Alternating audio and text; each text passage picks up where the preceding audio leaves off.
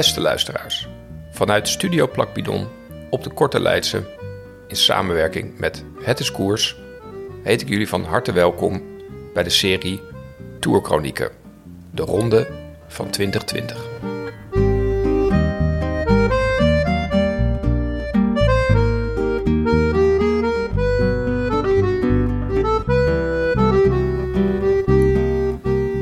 Etappe 2.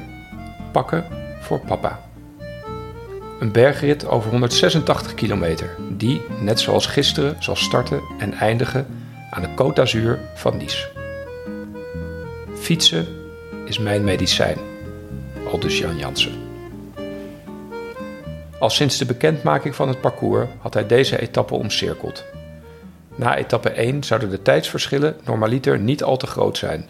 En dus lag dat felbegeerde gele tricot in het verschiet voor diegene die in etappe 2 als eerste de meet te passeren. Het was een dag van veel klimmen en dalen, draaien en keren. Een kolfje naar zijn hand. Maar waar zijn zelfvertrouwen bij de bekendmaking van het parcours nog torenhoog was, kon hij niet ontkennen dat het in de voorbije maanden enkele deukjes had opgelopen.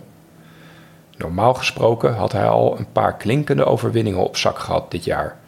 Maar een nieuwe generatie renner meldde zich aan het front. En ook hij zelf had genoeg zaken aan zijn kop naast de sluier die corona over de wereld heen wierp. Op 29 juli overleed zijn papa Joe. Orkestleider, muzikant, rolmodel en zijn grootste fan. Op zijn opa na misschien. Een jaar daarvoor had papa nog mee mogen maken hoe hij het grootste deel van hun tour in de Maillot bleef koersen. Il en rêvait de cette étape, il l'avait coché. Ça va être bon. Hein. Ça va être bon sans doute pour Julien Alaphilippe et peut-être pour vous même le maillot jaune. Aanval na aanval wist af te stoppen en heel Frankrijk weer even liet dromen. Op de Champs-Élysées, zittend in een rolstoel, volgde een innige omhelzing tussen vader en zoon. De tranen vloeiden rijkelijk. Joe was toen al ernstig ziek en beiden wisten waarschijnlijk dat dit de laatste tour was die ze samen zouden rijden. Was het gek dat Julien Alaphilippe bijna een maand later niet op het toppen van zijn kunnen presteerde? Was het enkel mentaal of was hij fysiek gezien gewoon nog niet waar hij moest en wilde zijn? Op de stoffige wegen van de Strade Bianchi begin augustus was hij duidelijk nog niet op de afspraak. Toen Vogelsang een soloversnelling inzette, moest hij het laten lopen en met leden ogen toezien hoe een groep sterkere renners zou gaan strijden om de eindzege die met overmacht naar de jonge oud-veldrijder Wout van Aert zou gaan. Hier zit hij. Oh, Grijs oh, van het stof. Jongens, jongens, jongens, jongens. Geel van geluk. Wout van Aert, Vincitore, Strade Bianche, Venti Venti. Met Van Aert zou hij een paar dagen later strijden om de eindzege in Milaan-San Remo. Het monument dat hij in 2019 al op superieure wijze wist te winnen. Maar die Van Aert leek van een andere planeet. Al vroeg op de Poggio maakte de welbekende onrust zich weer meester van hem en besloot hij de duivels onder te binden. Nu komen ze op het wiel van Eimede Het is Alaphilippe zelf. Alaphilippe die doorgaat. Alaphilippe met Wout van Aert in het wiel. Julien Alaphilippe op dezelfde plaats als vorig jaar. Wout. Hij pushte tot de top en in de afdaling zag hij al gauw die Belg, gehuld in het geel van Jumbo, die maar in zijn wiel bleef zitten. Er zat niets anders op dan samen naar de meter. Rijden. Roma, vijf kilometer nog. En Julien Alaphilippe heeft het begrepen. Hij houdt even de benen stil. Wout van Aert komt op het wiel van Julien Alaphilippe met z'n tweeën. In het peloton daarachter zat hij van de Poel de boel weer op gang te trekken, net zoals in de Amstel Gold Race. Dus het was volle bak koersen en weinig nadenken. Het verraste hem toen Van Aert als eerste op zo'n 200 meter aanging, maar hij wist zijn wiel te behouden en dacht een halve seconde dat hij er nog overheen zou komen. Is de sprint ingezet. Alaphilippe komt naast Van Aert. Kan Van Aert stand houden of niet? Van Aert, Van Aert of Alaphilippe? Wie is het die het gaat halen? Het is Van Aert die wint, mannen. Het is Van Aert die wint met een half wiel. Maar Wout bleek een maatje te groot. Zowel Van Aert als Van de Poel kende hij overigens vanuit zijn vorige carrière als veldrijder. In het Europees kampioenschap van 2012 werd hij nog derde. Twee plekken beter dan Wout. Maar was toen al gecharmeerd door de piepjongen van de Poel, die met een bizarre overmacht de titel bij de junioren wist binnen te slepen door in de eerste ronde weg te rijden en zich niet meer liet pakken. Enfin, het is de Tour, de tweede etappe. Van de Poel doet niet mee, Wout moet naar het schijnt zijn team Jumbo bijstaan en hij is zelf al lang blij dat hij de spekgladde rit van gisteren zonder kleerscheuren is doorgekomen. Zoals altijd was er binnen het team weinig discussie over hoe ze de etappe zouden aanvliegen. Controleren waar nodig, genadeloos toeslaan op het juiste moment. Julien heeft bij de start van de etappe even niet door waarom de strijd al zo hevig losbarst. Maar via de oortjes hoort hij dat Sagan betrokken is bij de ontsnapping. Aha, de sprint intermediair ligt al na 16 kilometer. En monsieur Sagan heeft natuurlijk zijn zinnen gezet op de maillot vert. Peter Sagan est parmi cet échappé. Le maillot vert est en mission sur ce Tour de France. Fighting every day and be focused for a points, green jersey, if it's possible to go in breakaway. And uh, it's also hard to take green jersey, yeah. Er volgt nog wat discussie binnen de ploeg of ze het gat niet moeten dichtrijden om zo ploegmaat Bennett in de buurt te houden en te voorkomen dat de Slovaak al in de beginfase van deze ronde te veel punten zal verzamelen. Maar men laat het begaan.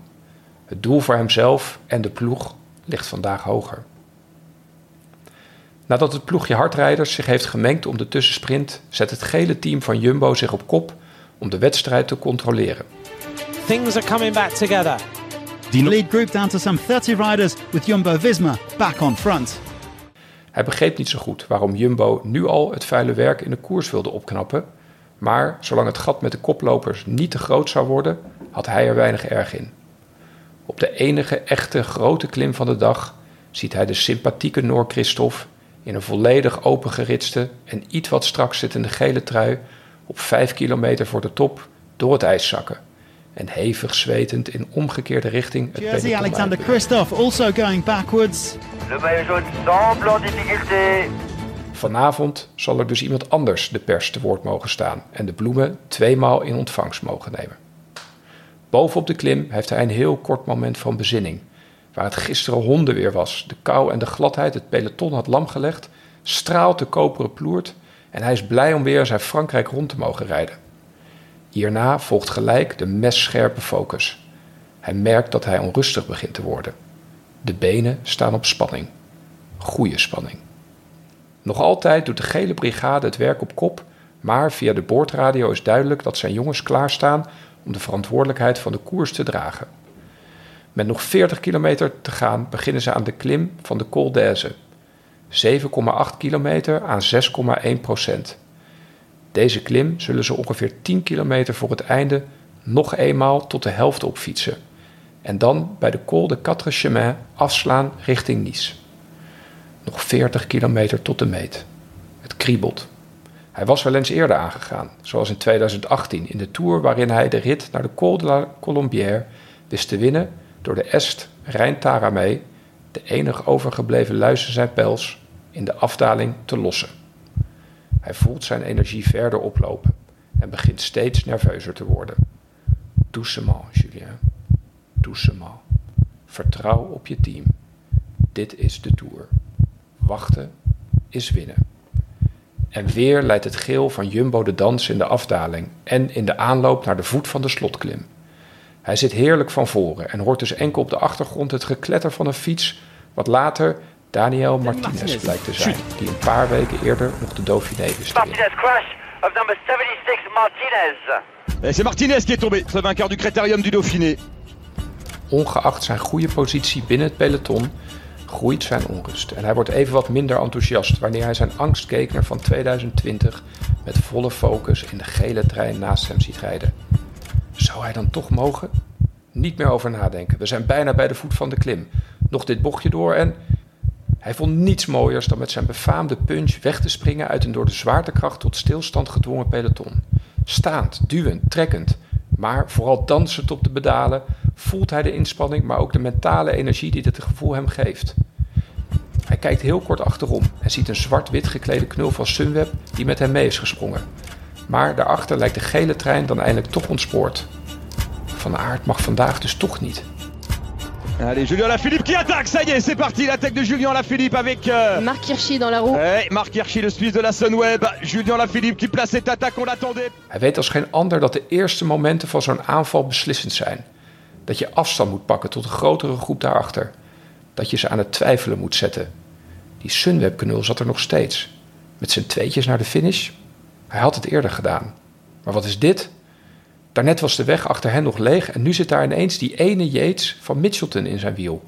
Iedereen in het peloton, inclusief Yates zijn teamgenoten, waren al opgehouden met proberen deze tweeling uit elkaar te houden. En hoewel er dit jaar maar eentje meedeed, waren ze altijd voor iedereen één pot nat. My name is Adam Yates and I ride for Oracle Green Edge. Simon Yates and I ride for Oracle Green Edge. Esteban Chavez vertelde hem eens dat de ene een litteken op zijn kin heeft en de ander een wat breder voorhoofd. Beide kenmerken waar je weinig aan hebt bij een sport waar het dragen van een hoofddeksel verplicht is. Naar het schijnt fietst de ene tegenwoordig met een bril met een zwart frame en de ander met een bril met een geel frame. Maar wie van de twee dan welk frame heeft? Gewoon Yates. Beide klein, beide venijnige klimmers, beide met een puikpalmares en beide liever niet in je wil op een beklimming in de Tour om ritwinst. Een ménage à trois dus. Daar was hij niet per se op tegen, maar het maakte de eindsprint wat complexer. Yates probeert niet geheel verrassend nog wat op de klim. En goddomme, hij weet ook nog de acht bonies op de top te pakken. Yates now decides to go for glory. Maar gedrieën duiken ze de afdaling in, op weg naar de eindstreep in Nice. 20 seconden, 20 seconden, hoort hij door zijn oortje. En ziet hij staan op het krijtbord van de gele motaar van de organisatie. 20 seconden op het pak bloedhonden daarachter. Voluit was toch de enige stand die hij kende in een afdaling. Marge opbouwen en door blijven draaien. Daar is de Flamme Rouge. Nog even de kop overnemen, nu niet verslappen. Nog 700 meter. Van kop af de sprint aangaan lijkt hem niet handig, dus even de beentjes stil en de schoentjes vastzetten. En zoals gehoopt neemt Jeets de kop over. Nog 400 meter, veel kijken, veel zwieren. Hoe straf zou de sprint van die Sunweb-knul zijn? Nog 300 meter en daar komt de achtervolgende groep op volle snelheid aan. Hij schreeuwt die ene Yates wat toe, die hierdoor ineens op de pedalen gaat staan om weer tempo te maken. 200 meter nog. Yates houdt iets in. Attention, retour de Marc Hirschi. Julien Lafilippe toujours en tête. Marc Hirschi qui ne reviendra Il pas. revient pas, il revient pas. Julien Lafilippe. Julien Si, si. Lafilippe. Marc Hirschi qui revient. Julien Lafilippe qui s'impose. Maillot jaune. Et victoire d'étape pour Julien Lafilippe. Victoire! Hand naar de mond. En dan naar de hemel. Zijn blik achterna. Zijn eerste overwinning van het jaar. Het geel. Het hele land juicht. En hij daarboven ook. Tranen krijgen de vrije loop. Hij is trots. Dat weet hij zeker. C'est toujours euh, une émotion spéciale de gagner sur le tour. Mais euh, c'est une année particulière. J'ai pas gagné une course depuis, euh, le début de saison. ah, J'ai toujours continué de travailler dur. Je suis resté sérieux malgré les moments un peu, plus durs. je voulais juste dédier cette victoire à mon papa. Ça me tenait à cœur et je suis vraiment content d'y être arrivé.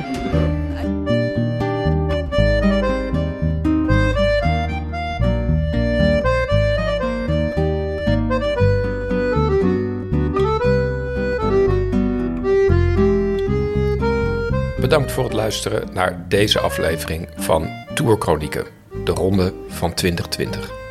Tot de volgende!